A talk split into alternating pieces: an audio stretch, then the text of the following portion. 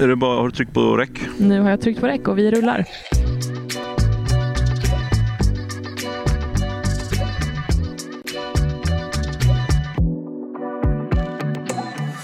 Vi rullar. Äntligen är det dags för mig att säga välkommen till Breakits podcast eh, som sponsras även den här veckan utav vår huvudsponsor Swedbank, vilket vi är väldigt tacksamma för.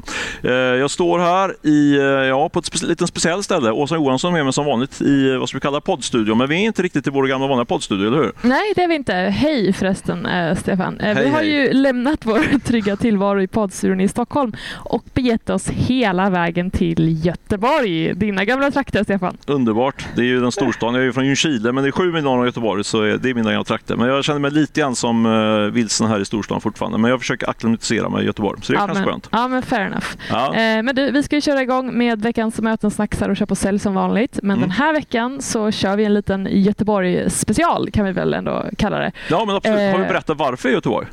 Vi har inte berättat varför. Vi måste hylla vårt evenemang Scale Up Day här som gör succé igen. Jag är ju lite part i målet men eh, vi har väl ett ish eh, 200-300 pers här, entreprenörer och det görs affärer här i korridorerna och det är väldigt spännande, eh, spännande saker på scen också. Jag fick med en påminnelse från vår eh, TF VD Viggo Körman om hur man bygger bolag. Det tyckte jag var en spännande sak att lyssna på. Eh, det får ni lyssna på nästa år men nu ska vi göra som sagt, vi har ju vårt gamla vanliga upplägg med eh, veckans köp och sälj, var vi med, veckans snackis och så har vi veckans möte. Och vi Ja. har ju haft massa möten, men vi tänkte vi ska köra live-möte här idag. Ja, så vi kör ett gemensamt möte här i våran portabla poddstudio med Ingen mindre än Petra Tungården, VD och grundare för Adore, eh, vilket är en riktigt snabbväxare inom e-handelssegmentet. Säljer, hoppas jag säger rätt här nu Petra, du ska snart få säga någonting. Jag Ja, jag vet här. inte när jag vågar prata. Det är bra. Nej, men du, du, du, har en form av eh, klänningar som är, har perfekt passform, kan man säga så? Du kanske får pitcha ditt bolag lite bättre än jag. Du får jättegärna säga att det är perfekt passform. Ja, Nej, men vi gör då främst klänningar för kvinnor eh, där fokuset är en tidlös silhuett eh, med massa detaljer som gör att just kroppen kommer fram i dess bästa dager. Och framförallt så vill vi vara inkluderade så vår storleksbåge sträcker sig från storlek 32 upp till storlek 50 så att alla ska kunna känna sig fina i klänningarna. Det, Du, det jag, måste, ursäkta, helt... jag måste bara, för jag har ju dum fråga direkt som jag hörde. Alltså Ja. det här med, du säger att de har olika pass. Det blir väldigt dyrt liksom, att ha alla de här formerna. Jo, det- blir dyrt. Ja, det är dyrt för kunden också. Eh, nej. vi försöker hålla ner priserna. Eh, men jag vill verkligen att, när jag jobbade med mode, jag jobbade på Metro innan och skrev väldigt mycket om trender och eh, jag jobbade även som stylist och det jag tycker var tråkigt var att jag stylade folk som var över en storlek 40-42 och då fanns det inga kläder att låna. Eh, Eh, så det var verkligen ett av målen med år att vi skulle ha en bredare storleksbåge så att alla skulle kunna känna sig fina i klänningarna. Det låter ju skitbra verkligen och du har ju blivit något av en ja, men klänningsdrottning har du väl ändå kallats flera gånger och gör fortfarande. Eh, framförallt på klänningsdrottning på nätet eh, och du driver ju i, idag som sagt då Adore.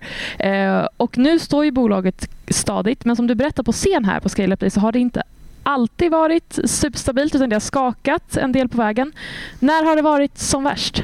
Eh, som värst var när vi försökte oss på träningskläder som jag pratade om på scenen. Eh, det var en miss både i produktion och vad varumärket egentligen skulle stå för. Det kändes som att, ja, men lite som att vi var en restaurang som serverade alla rätter men vi kanske inte gjorde Eh, vi kanske inte nischade in oss på en smak och gjorde det tillräckligt bra. Så att det var liksom när poletten trillade ner och vi kom underfund med vårt DNA och var liksom sanna oss själva som det verkligen började gå bra.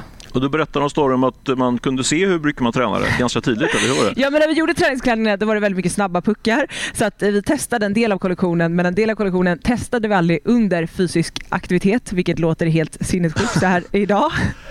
Och då var det ju så att de här träningskläderna var sjukt snygga men materialet var mer ett ballettliknande material All vilket right. gjorde Ja. att eh, så fort man svettades det lilla minsta så såg man det på stjärten, man såg det under brösten, under armarna. Så att eh, Ja, det kanske inte riktigt ville då vill. träna i de här klädningskläderna. Så det var mer liksom gjort för att gå en PV i långsam takt och vara snygg. Typ. All right. Men det blev klänningar i alla fall och det är ju milt sagt succé här. Vi har tagit fram lite siffror här. Eller hur Stefan? Ja men absolut, jag älskar ju siffror. Om jag fattar det rätt så omsätter ni förra året ungefär 40 miljoner och hade en resultat framförallt på runt nästan 15 va? Ja, exakt. Eh, det där var något som jag lyfte, vad säger man, lyfte dem på ögonbrynen, höjer på ögonbrynen säger man kanske. Uh, väldigt hög lönsamhet i en e-handelsbransch som annars är ganska så, i alla fall svag lönsamhet kan man säga. Så vad, om du skulle liksom berätta, vad är liksom hemligheten kring den här, de här, den här höga marginalen? Alltså just, jag, jag skulle ändå säga att de siffrorna faktiskt är lite dopade. Mm. Vi, har ju varit, vi lyssnade ju på Vigors föreläsning här om hur många man har varit i bolaget och då var vi i liksom the band-fasen. Vi gjorde allting själva, jobbade dygn, dygnet runt, jag liksom ammade, packade ordrar. Eh, så att varje person hade ju liksom tio olika tjänster. Så att eh, vid, eh, vid det här laget var vi ju fyra anställda men vi borde egentligen varit tio. Så jag skulle ändå säga att marginalerna är lite dopade. Vi har ökat omsättningen, vi stängde precis vårt år, Mm. ökat eh, omsättningen men marginalerna har ju absolut gått ner nu när vi liksom har tagit in mer seniorkompetens och Vad hamnar du på? Om, du- om du kontor. omsatte 40 förra, vad hamnar ni i år på då? det får du veta snart va? Men, eh, men det har absolut ökat. Inte dubblat men eh, nästan. Ja, kul. Ja. Starkt. Men ändå svarta siffror då, på sista Eh, ja. Det är urstarkt det. Men hur Verkligen. känner du kring eh, det som alla pratar om här på eventet och även alla, alla andra man pratar med, alltså den stundande lågkonjunkturen? Det, känns, det, känns det jobbigt i magen eller hur känns det liksom inför? Alltså det är Alltså jag skulle ljuga om jag sa att man inte hade ångest varje kväll. Är det så? Man kan ju för fan inte gå in på någon... Jag har slutat läsa nyheterna känner jag bara. äh, Det, jag läser nyheterna men Ja. det känns som att det är så jäkla mycket liksom, negativa nyhetsrubriker eh, och även om liksom, självklart märker ju folk att man har mindre i kassan Ja. redan nu men det, det känns som att i vår kommer ju den stora smällen egentligen komma. Mm. Men bara rubrikerna blir ju att man liksom håller i sina pengar och laddar upp så att jag jag tror, alltså förhopp, min förhoppning, jag är ju en positiv person, är att i vår så kanske det inte blir så illa som man tänker nu med alla nyheter Ja. och att folk ändå landar i att okej men jag kanske kan köpa, jag har råd med den här klänningen. Mm. Mm. Man kanske inte köper flera klänningar men Men har ni, har ni någon strategi liksom för att hur, hur, hur kommer ni parera i vår om försäljningen inte går jättebra nu? Eh, vi sitter på, eh, vi har ett större lager än, än vi har haft tidigare och det som är skönt med vårt varumärke är att de klänningarna, vårt nosprogram som säljer absolut bäst är samma klänningar som sålde bäst för tre år sedan. Mm. Och de har vi redan ett befintligt lager på och köpte in också till en bra valuta när eh, dollarn stod lägre än vad gör idag. Så att jag hoppas att vi kommer kunna räkna in marginalerna där och vi kommer inte göra eh, lika stort inköp för våren. Mm. Så att det här, jag tror att nästa år är inte året som vi liksom lägger i femmans växel och eh, försöker dubbla utan vi försöker bibehålla lönsamheten och liksom stå stadigt. Okej. Men om jag fattar det på dig rätt så har ni haft, ni hade bra, eh, ser ut att få en bra Black Week. Eh, Verkligen, så det alltså Black Week har, eh, rätt okej verkligen- liksom, eh, fram tills nu. Du har inte märkt av någon riktig nedgång än? eller? Jag tycker absolut, jag känner absolut att vi har märkt av att Ja, eh, folk inte har shoppat lika mycket. Mm. Ja. Eller jag skulle nog inte säga att folk har shoppat lika mycket men det har varit en högre returgrad. Folk eh, velar, tar hem, testar. Mm. Men sen är det ju så att vårt, vårt varumärke är ju just som du pratade om i början känt för liksom de här sommarklänningarna, Mm. midsommar, mycket färg. Så det här är egentligen vår, vår andra höstkollektion. Så att, Mm. alltså vår omsättning, 85% av vår omsättning står mars, april, maj, juni för. Mm. Så att hösten har historiskt sett inte varit liksom vår starkaste kollektion heller.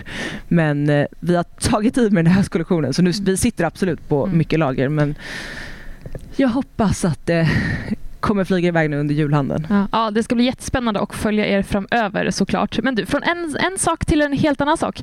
Eh, vi har uppgifter om att du eh, letar efter en ny VD till Adore och eventuellt har hittat en. Kan det stämma? Det stämmer! Det stämmer? Ja! Okej, men det, det är en Breaking nyhet. news, Breaking nyhet. news i podden. Ja, Ja, men jag eh, får inte gå ut med vem det är än, men det kommer snart bli okej. officiellt. Men vad betyder det för bolag? Vad betyder det för dig? Jag tror att, det var så roligt, vi lyssnade ju på Vigors eh, föreläsning här om Mm. var man befinner sig i olika bolagsfaser. Och jag tror att vårt bolag eh, just nu är i familjefasen. Alla är en familj, men det börjar liksom bli, alla har varit delaktiga i allt.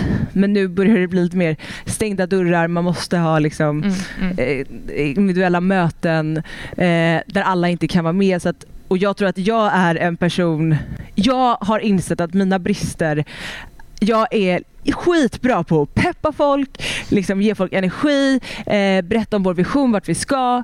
Men jag har framförallt ingen erfarenhet eller verktygen till att få varje anställd att liksom blomma och bli dens mm. bästa jag och utveckla och liksom få deras fulla potential. Så att det ska bli väldigt skönt att liksom få in en VD som, som har det här i ryggen och liksom kan hjälpa till och få bolaget att växa. Grymt, då, då har vi liksom två nyheter att se fram emot. Dels ska vi få reda på ditt bokslut snart och sen ja. så ska du eh, breaka, breaka VDn på breaket hoppas jag. Kan vi Självklart, det, det lovar jag. Underbart. Du, eh, vilket möte eh, helt live här. Jag känner mig, eh, känner mig taggad. Jag förstår den här energin du verkligen är duktig på att ge. Det gillar vi. Verkligen. Ja. Tack du, snälla. Innan vi börjar runda av här så skulle vi vilja ställa tre supersnabba frågor till dig. Yes. Eh, så vi ställer megasnabb fråga och du ger ett megasnabbt svar. Okej. Okay. okay? Vad är bäst? Stockholm eller Göteborg? Uh, jag älskar Göteborg, men jag måste ju säga Stockholm. Men jag älskar verkligen Göteborg. Jag skulle kunna bo här. Okej. Okay. Eh, I vilken bransch skulle du investera just nu om du var tvungen att investera? Mm, det var svårt. Alltså någonting inom miljö, hyra ut, eh, tror jag. Ja, ja. Hyra ut-branschen. Hyra ut-branschen, ja. Cirkulärt. Mm. Cirkulärt, det låter bra. Och till sista frågan då, om du måste välja Bianca Ingrosso eller Margot Ditz? Men gud, det kan jag ju inte göra. Jag tycker om båda lika mycket. Okay. Vi nöjer oss. Vi nöjer det är väl okej. Ja, absolut. Bra Petra, men då, då får du rusa vidare i tillvaron och så ska vi, poddar vi vidare helt enkelt. Tack, lycka till! Ja. Och tack för att jag fick vara med. Verkligen tack för att du ville komma, jättekul. Kör hårt! Men du, det är dags att eh, dra igång vårt snackis-segment här och mm. eh, jag tänkte börja med eh, dig den här veckan. För att det är så här att för drygt ett år sedan så kastade du dig verkligen in i en, ja, vad man kan kalla ändå lite infekterad debatt om Göteborgs eh, startup-klimat här. Eh, och det var du på ena sidan och så hade vi på den andra sidan den regionala jätten Göteborgs-Posten och dessutom ingen mindre än Lena Apler på den andra sidan. Vad var det här och vad har hänt sedan dess egentligen? Lena Apler, super, superentreprenören och eh, investerande i Draknästet. Precis. Ja, men, eh, ja, det är skönt att vi har en liten, liten spetsig ingång där med infekterad och så, det gillar jag. Eh, men det var lite, det var, grejen var så här, vi, var, vi körde ju scale-up det här nu, det var ju typ för 16 månader sedan kanske. Och eh, samma dag, eller dagen innan, så hade Göteborgs-Posten då, den stora regionala tidningen här, gått ut och sågat hela Göteborgs techscen. Eh, där de sa liksom att det skapas inga enhörningar här, det finns inga techmiljardärer och, och, och då har de också snackat med Lena Apler. De, de underbyggde det där, det där uttalandet med, med, att det verkligen var så att det inte fanns så mycket att, att hänga i julgranen om man ska vara, vara krass. Och sen så, Lena Aple är ju rolig, hon hon gick ut och sa att eh, det är mest grått och blåsigt här i Göteborg och eh, det var en underbar bild på henne också, jag tror uppe vid Götaplatsen. Det verkar så, det verkar så grått och blåsigt ut. Hon menar liksom att startklimatet var, var lite så, grått och blåsigt och det var mycket så här tungviktare som SKF och Volvo som gjorde staden lite så här ingrodd, eh, sa hon. Oj då. Så det var hårda, hårda ja, bandage. Verkligen ord och inga visor. Men eh, då höll du inte med alltså? Nej, jag stack faktiskt ut hakan och skrev en, en krönika om det där som fick, eh, för en gångs skull, fick lite fart också i sociala medier och så. Så det var väldigt många som hörde av sig. Framförallt på väst, Västsverige, västsvenska eh, scenen.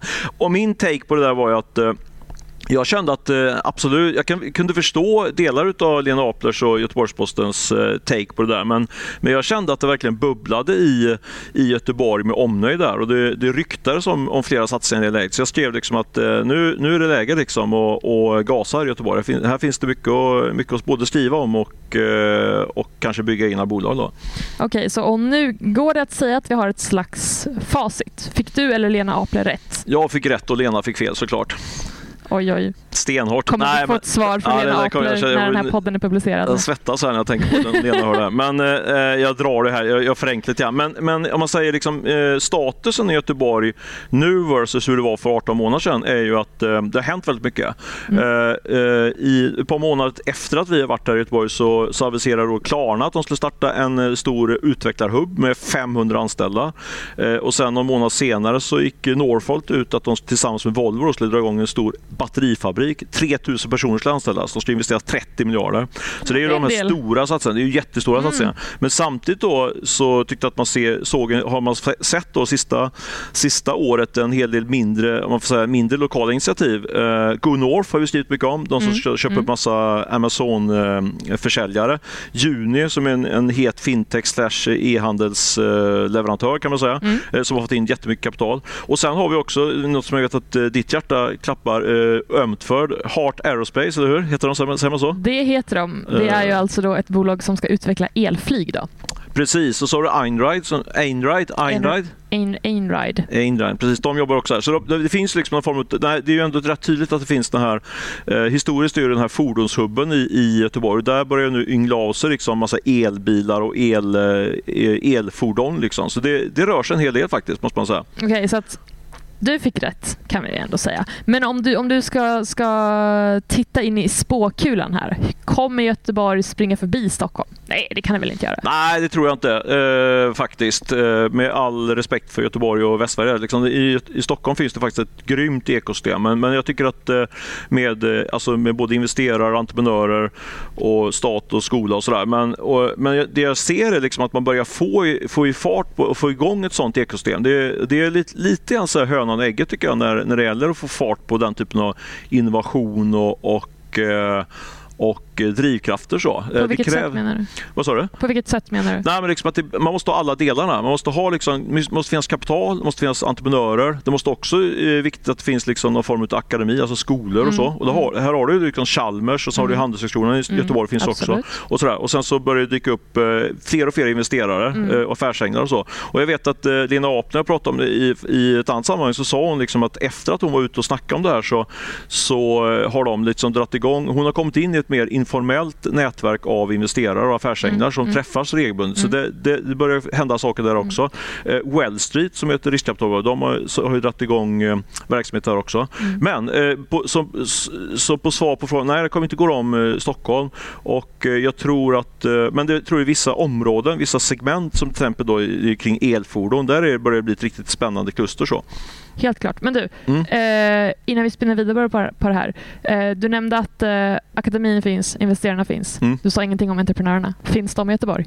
Ja, men det måste man säga absolut. Jag träffade ju en grym entreprenör som nu har faktiskt blivit eh, investerare också på, på gammeldagar kan man säga. Alexander Hars som har, som har flera eh, framgångsrika startups bakom sig. Så han har ju eh, träffat honom här nu på morgonen faktiskt. Så han har investerat i ett 30-40-tal olika bolag, många med, med Göteborgsanknytning. Så, så ja, det finns absolut entreprenörer. Och då, entreprenörer bakom Juni och, eh, och och eh, Go North är typ, typexempel på sådana som liksom verkligen tänker go big. Liksom. Alltså tar in mycket kapital och ska växa väldigt, mm. väldigt fort. Men eh, så, det jag skulle säga är att eh, eh, så lite, depp, lite, lite deppigt ut för ett par år sedan, började ta fart för ett år sedan. Och, nu är, men nu är vi inne i ett kritiskt läge både för Göteborg och för, för hela Sverige med tanke på att vi är inne, på väg in i den här lågkonjunkturen.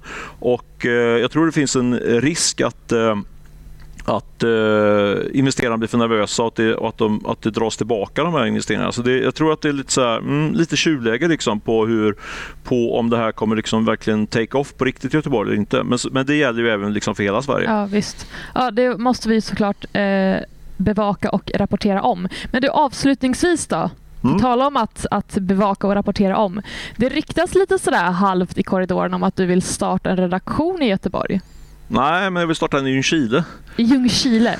Breakit-redaktion i Ljungskile. Vill Ja. du berätta vad Ljungskile är för någonting? Ljungskile är min lyssnare? uppväxtort. Eh, En liten ort med 3000 personer, sju mil norr om Göteborg, eh, som alla borde besöka. Nej, men skämt åsido. Jag, eh, jag tror faktiskt seriöst att, vi, att Breakit skulle kunna dra igång en mycket bättre bevakning i, av Göteborg och Västsverige. Det märker jag när, när man kommer ner hit ett par dagar bara och träffar massa folk. Och vi har fått massa uppslag på, på ganska hårda nyheter faktiskt som vi kommer att skriva om på Breakit framöver. Eh, men men det, jag, jag, tror att det är eh, jag har en, eh, en ganska tuff, eller vad ska man säga, intressant diskussion med bland annat med medgrundare Ola Aronsson där, vad mm. vi ska lägga resurserna på. Vi är ändå en liten, en liten, ett litet bolag. Så, så att, min förhoppning är att vi ska kunna dra igång något i Göteborg, men det kanske är så att vi före det drar igång en engelskspråkig sajt eller något sådär. Man får, liksom, man får ju... Det hade ju varit stort.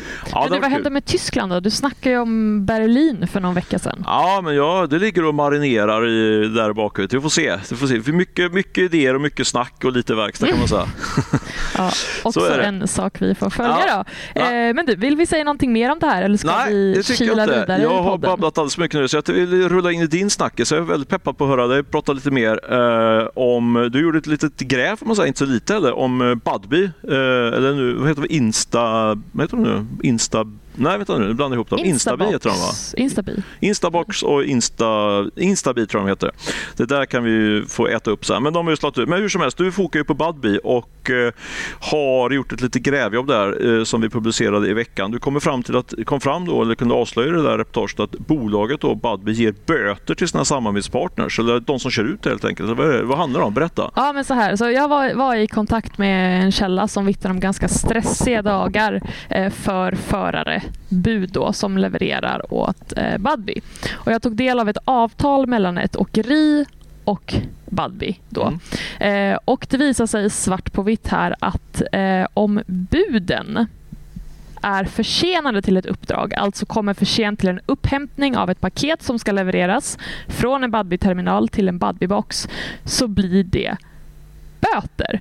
Och vad innebär då det här? Jo, att det är, först ska sägas, så det är tydligt, att det inte är budet i sig som får böter, utan budet då föraren är anställd av ett åkeri. Mm. Så föraren då är försenad så är det åkeriet som får en böter. Men samtidigt kan jag tänka mig om du är förare som kom för sent och så får hans arbetsgivare pröjsa böter så mm. då kommer han väl kläm också eller? Ja, alltså ens arbetsgivare skulle ju inte bli mega glad då. Och det är inte så att du behöver inte vara jättemycket försenad utan det räcker med en minut försenad så får åkeriet betala hela 500 spänn till Budbee.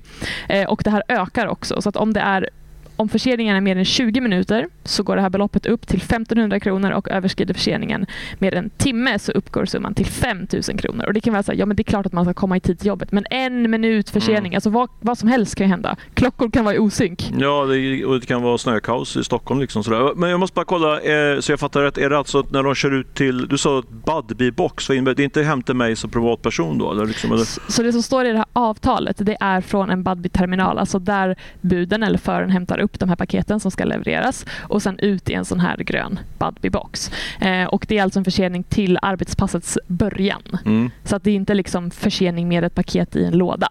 Eh, utan är du för sent till din arbetsdag, då blir det en fet bot. Eh, men vad, vad tycker du? Är det här ett bra system? Ska man ha så här? Jag tycker jag är lite kluven. Jag fattar ju alltså på en övergripande nivå att det finns en, en, att man måste ha någon, någon, någon drivkraft för att det ska komma i tid. Liksom. Att det, inte, det kan inte bli hur släcket som helst. Så att säga. Men samtidigt så är det ändå något som skaver i mig när man hör att det är på, sån, på den eh, korta en minut. Liksom. Och, eh, det känns också som att det bäddar för, för ganska jobbiga, eller rätt stora arbetsmiljöproblem. Liksom. Stressigt helt enkelt. Eh, särskilt med just de här buden kör ju runt då i, i stora städer liksom, där, mm. det, där det kan handla lite vad som helst. Liksom, mm. sådär, så, som inte, så eh, det är väl eh, min spontana känsla, att det känns lite eh, oskönt på något sätt. Liksom. Skulle man inte kunna hitta något, något lite mer något, något som kunde vara lite schysstare system. Så mm. känner jag spontant. Ja, absolut. Jag håller med dig. Jag, jag, jag ringde ju upp Budbee för att ställa lite frågor om det här och de menar på att det är oerhört viktigt att vara i tid för att om en förare är försenad till sitt arbetspass så påverkar det hela leveranskedjan då. Eh, och fair enough, men igen, en minut. Ja, ja, det, alltså, det, men kom igen, en minut, herregud. 60 sekunder, ja, ja. Men Budbee är inte ensamma om ett sånt här bötessystem. Eh, Dagens Industri har tidigare rapporterat om att eh, budbolaget Best Transport också har en sån här bestraffningssystem där åkerier som jobbar eh, med det här bolaget får böter om förarna levererar fel paket. Men alltså, alltså jag fattar och jag skriver själv under på att jag tycker att det här systemet är lite skevt. Sådär. Men om jag ändå ska vara, sätta mig så här i djävulens advokatrollen då, mm, mm. Eh, så är ju ändå det här Ja, men det är avtal och, och då har ju liksom, eh, om, man, om båda parterna har ingått det avtalet så måste man acceptera det avtalet. Liksom. Det, det är ju inte föraren som straffas utan åkeriet som du är inne på. Eh, annars hade det varit en annan sak tycker jag. Men ja, hur tänker du kring den, den, den delen? Ja, absolut. Så att ett avtal är ett avtal och det är ju signat från båda parter. Liksom. Och då kan man ju också vara lite så här, som du säger för att vara djävulens advokat. Ger man sig in i leken får man leken tåla. Liksom. Um, och jag var ju också i kontakt med, eh, med fackförbundet Transport om det här och de var så här, inte särskilt förvånade för att det här är en väldigt smutsig bransch, eh, tyckte då personen därifrån som jag pratade med. Det är ganska hårda ord, smutsig bransch. Men det, ja, ja, så det. Ja. ja, det är det verkligen. Mm. Eh, men så att, att de tryckte ändå på att, får man inte vara det minsta försenad så finns det risk att buden blir pressade av sina chefer som du var inne på tidigare. Och Då kanske man, ja, man blir stressad, man är i trafiken, man tänker att man kanske ska ta en genväg. Jag vet ju inte, men, mm. men det känns som att det är som att det bäddas lite grann för att någonting kan gå fel. Eh, och sen för att avsluta också så, så, så var jag i kontakt med branschorganisationen Sveriges Åkeriföretag. Och de var också inne på den här liksom, linjen om att nej, men, trafiksäkerhet är en oerhört viktig fråga och det ska alltid eh, beaktas. Eh, och att liksom, väldigt tajta tidsramar det innebär en ökad stress för förarna. Men allt är relativt i huruvida något är rimligt eller inte och det måste liksom ses i, i just av avtalet i stort. Liksom. Eh, och som du säger, har man signat så har man ju ändå signat. Man mm. har ju mm. accepterat det. Men jag tror också en annan aspekt på det är ju liksom att Budbee, eller Instabi som de heter numera, är jag nästan säker på, nu när de har slått ihop de här två bolagen. Det är, båda de är pump, det pumpas in massa riskkapital och de la ju ner i Holland nu. Eh, var det Instabox som la ner i Holland mm. för att de förlorar massa pengar. Det ryktas om att de förlorar väldigt mycket pengar i Tyskland. Eh, och det är ju hela det här som vi pratade tidigare på podden om, om eh, fokus på lönsamhet. Det skapar ju liksom en ganska jobbig häxbrygg på något sätt. Att, att de, om det, pressen kommer från investerarna, ökar lönsamheten, då kommer ju de som driver företagen pressa på ännu mer och så kommer mm. det sippra mm. ner i systemet. Så kanske ja. bara en 30 sekunder till sist. Liksom. Eller, förstår du liksom, ja. det, Så det där är ju, i det läget vi går in i nu är det ju, är det ju rätt jobbigt läge faktiskt. Och sen tycker jag också att man ska inte glömma bort uh, vår, vårt eget ansvar som konsumenter. Liksom. För vi vill ju mm. ha så billig frakt som möjligt hela tiden. Det är klart, absolut. Så det, ja, ja, det finns flera aspekter i det där men, eh, men det känns uh, ja, som sagt lite dåligt i, i magen liksom, att det sipprar ner till den, till den lille mannen på något sätt mm. som drabbas av det. Ja, ja. Eh, har du fått några reaktioner då kring det här eh, grävet? Eh, det har jag fått, men mm. inget som jag tänker avslöja nu. Bra, eh, men med det sagt, eh, alla lyssnare, om ni har något inspel på det, hör jättegärna av er till eh, podcast.breakit.se eh, eller till asa.breakit.se och den går eh, direkt till mig. Det gör ju med i och för sig den andra också. Men eh, om ni vill eh, eh, ha lite inspel på Budbee eller något annat budbolag eller har sett något annat lite halvskevt avtal så berätta jättegärna det för mig.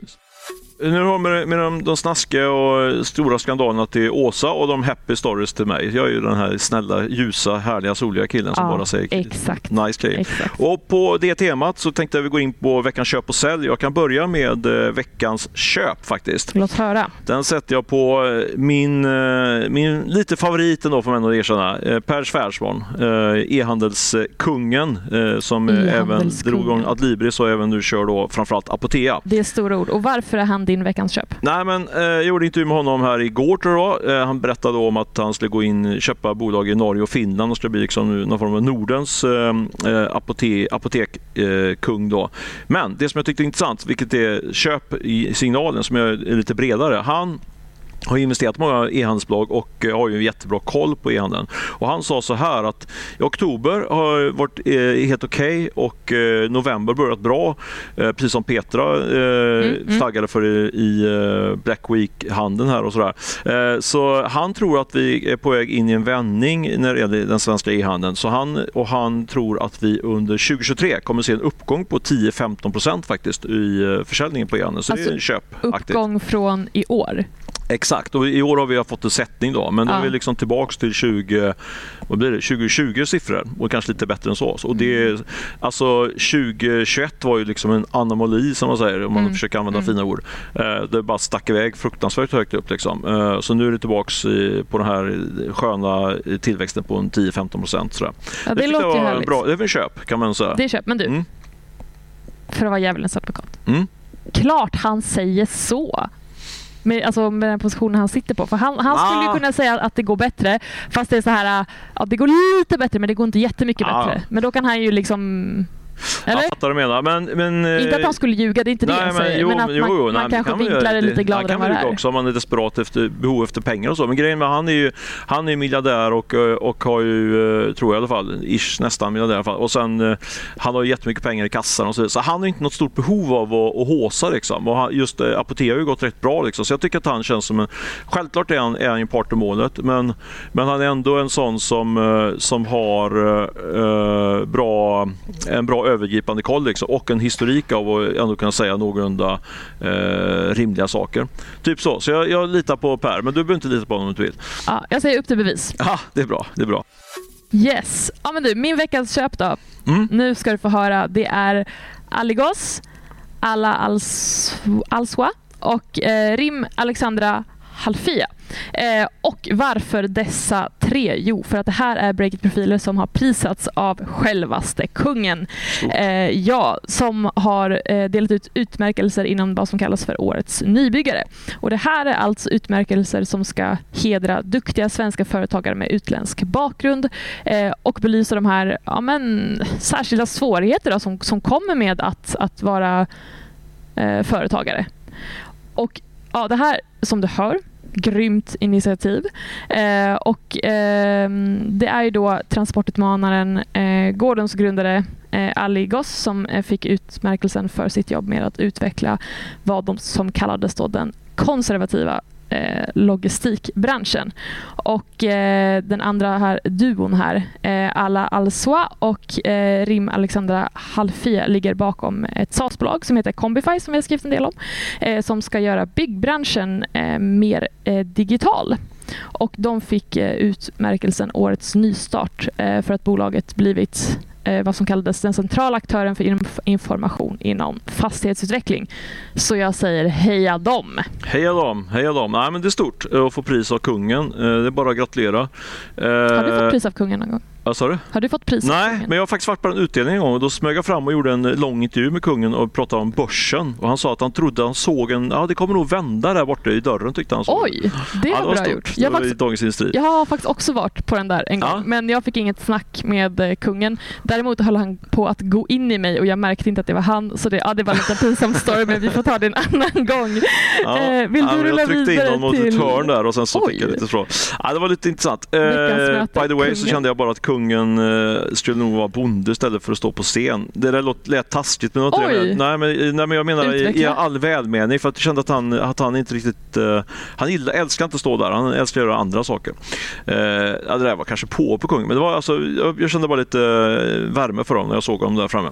Hur som helst, Hur som ska, jag, helst. ska jag gå in på veckans sälj? Det tycker Eh, jag. jag sätter sälj på Elon Musk och det gör jag mest för att det, är, det finns mycket anledning, många anledningar att sätta sälj på Elon Musk men jag säger det mest för att vi ska hitta formen in till att jag ska få dra ett litet skall jag hörde på stan som är eh, väldigt eh, orekat. Eh, Okej. Disclaimer, disclaimer. Men jag hörde i alla fall att Alex Nordström, har du hört talas om honom? Eh, säkert, men du får gärna påminna mig. Ja, men Han är en riktig tungviktare på Spotify. Eh, sist jag kollade så var han premiumchef, alltså ansvarig för Spotifys premiumintäkter som är den Mhm. absolut stora delen, alltså när vi pröjsar abonnemang och så. Eh, menar, han, han är en av hjärnorna bakom bygget av Spotify. Eh, och jag hörde att han faktiskt hade blivit erbjuden jobb, lite oklart när, men han hade blivit erbjuden jobb av självaste Elon Musk och pitchen var att han skulle börja jobba, tror jag, på Tesla och han fick själv sätta lönevillkoren. Det är ändå ganska schysst. Oj! Hade du hoppa, hockat på då, om du hade fått det det erbjudandet? Jag tänker inte lämna journalistiken. Fast å andra sidan, det är ju ett bra wallraff. Riktigt bra Wallraff. Ja, men Alex han, han gav eh, Elon Musk nobben och därför säger jag att det är sälj på Elon Musk därför. Men jag tycker liksom så här. Här är åka till Silicon Valley jobba liksom med, det är vilken upplevelse. eh, Även Ja. om man får inte och så får han då obegränsat med betalt i stort sett. Så, ja, jag tyckte det var lite, lite felbeslut utav Alex Nordström. Ja, Så det kan ju vara så att han, han inte ens eh, fick frågan. Men jag hörde från en hyggligt intresserad av det i veckan och eh, därför sätter jag sälj på Elon Musk och uppmanar Alex Nordström att höra av sig om jag hade fel i den här frågan. ja, hoppas han gör det. Det här vill man ju höra mer om. Men vet du, alltså när du säger att, att det var Elon Musk som erbjöd honom det här, var det liksom någon, någon eh, person liksom som förde talan åt eh, Mr Musk här eller var det Elon som ringde upp själv och sa tjena tjena, vet du vad vi borde snacka? Ja, jag tolkar det som att det var, att det var Elon som kontaktade honom själv, så att säga, eftersom det var en sån central position. Oj, vad hade du gjort? Jag hade, jag kan ju inte prata engelska, så hade, just därför hade jag du inte kan ju visst prata engelska. Men om man bortser från den här språkförbistringen då, så hade, då hade jag hoppat på. Det låter som det värsta äventyret jag jobbar Musk, även om man kan ha mycket synpunkter om Musk. Ja. Ja. ja. vi får väl se om han ringer upp oss också. Ja, han kommer ju inte ringa mig nu när han vet att jag vill göra ett Wallraff, men eh, Veckans helg för din plan, din del då, vad säger du? Ja, nu eh, blir det fröken Dysterkvist här får jag väl ändå säga. Ja. Eh, vi nämnde Allbright-rapporten som undersöker jämställdhet i svenska börsbolag eh, sist vi snackade i den här podden förra veckan och nu har den här rapporten kommit då. Eh, och det ser ut som eh, ja, rätt totalstopp för eh, kvinnor i näringslivet får man väl nästan ändå eh, konstatera. Eh, av de här 361 granskade bolagen består styrelserna till 36 procent av kvinnor en procentenhet högre än föregående år. Så det var ju, det var ju lite bra i alla fall. Mm. Men resten då. Och nu kommer jag inte rabbla rubbet här, men eh, en del av det som såg mörkt ut var att andelen kvinnor i ledningen eh, står still på 27 procent eh, mellan 2021 och 2022 och andelen vd-kvinnor på börsen minskar från 12 till 11 procent. Och eh, Amanda Lunde Teg som är VD på Allbright hon säger att den här rapporten är en sällsynt eh, sorglig läsning och att vi har sett tillbakagångar tidigare men inte i nivå med årets siffror. Så jag sätter sälj på att eh, det inte riktigt går åt rätt håll. Vem är det som får sälja då? Är det, är det vi gubbar eller vad skulle du säga? Vem är det som får, som får utdela? Alltså jag skulle absolut inte säga att det här är alla mäns fel. Absolut inte. Utan det, är, det är det svenska näringslivet som får sälj. Ja, vi tar den gemensamt. Nej, men det är yes. riktigt dåligt och vi får väl uh, kämpa vidare helt enkelt och göra med alla, alla möjliga åtgärder kring detta. Vi har ju snackat om det tidigare, det finns massa saker att göra. Uh... Ja, och det här vill vi såklart rapportera mer om. Hur det går och åt vilket håll och varför och så vidare. Så lyssnare, hör av er. Som vanligt, hör av er och eh, sätt lite gilla och höj betyget på oss och eh, tipsa en vän och så vidare så vi kan få ännu högre lyssning på den här podden. Om ni tycker det är bra, annars får ni stänga av innan ni hinner börja lyssna. Du, nu är det dags för oss att runda av, eller hur? Eller hade vi något annat som vi skulle plocka upp? Nej, Nej jag tycker att vi rundar av och säger tack för den här veckan och tack till Göteborg. Ja, verkligen. Vi kommer gärna tillbaka. Jag kommer stanna här några dagar så det, är, det ser jag fram emot. Ha det bra så hörs vi om en vecka. Ha det bra.